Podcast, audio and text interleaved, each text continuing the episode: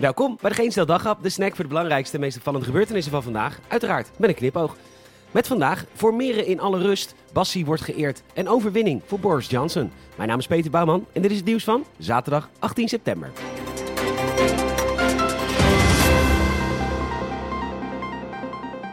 Ja, prachtige beelden bij de Telegraaf. Kaag, Rutte en Hoekstra zijn samen met informateur Johan Remkes op landgoed de Zwaluwenberg in Hilversum om daar in alle rust en reinheid te praten over de vorming van een mogelijk minderheidskabinet. Wij hopen dat het lukt.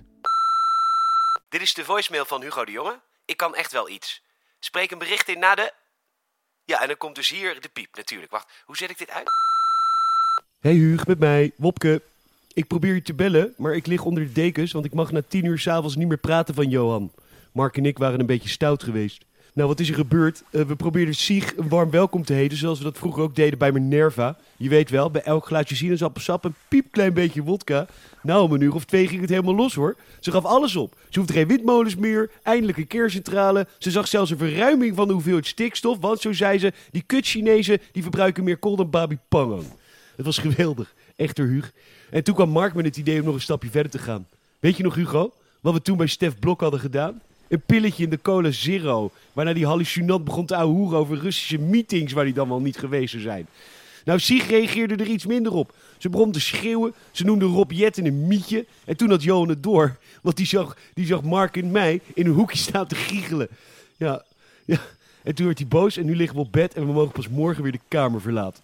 En zoals je hoort, ja, Sieg zit nog te kotsen op de play. Nou ja, het was een leuke dag, dat wel.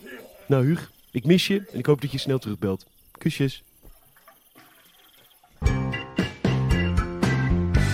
Het was prachtig om te zien in het Algemeen Dagblad. In Vlaardingen vierden ze het 86-jarige bestaan van Bassie, van Bassie en Adriaan. En wat hebben we toch veel aan die man te danken. Dit. Oor mijn hart eens bonken kloppen, wil naar huis laten we stoppen. En dit. Bij de hoed, die noemen ze sombrero. En die gekke robot Robin. Ha, ha, ha, ha. Nou ja, in Vlaardingen werd de liefde voor Bassie en Adriaan getoond door een prachtige stoet aan Bassie en Adriaan wagens. En Bassie zelf was er natuurlijk ook.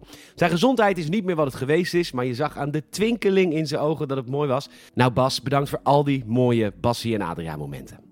Nou, zes keer Bassie genoemd. Oh ja, één keer in de intro, dus zeven. Robin nagedaan, twee liedjes.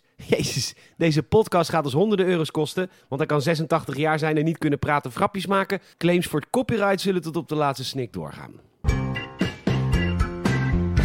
Een grote overwinning voor Boris Johnson. Hij gooit het systeem van massa, je weet wel, kilo's en grammen, maar ook het metrische systeem voor liters de deur uit. De Britten gaan weer terug naar het Imperial Standard System met pounds, ounces en pints. Alleen maar omdat het woord imperial aan vroeger doet denken, want echt handig is het natuurlijk niet.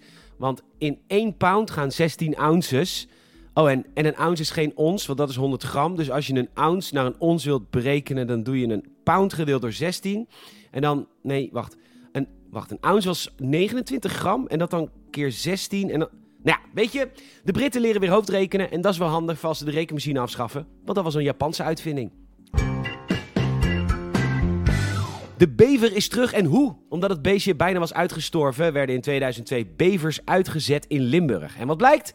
Bevers naaien als konijnen, want we moeten ze nu weer afschieten.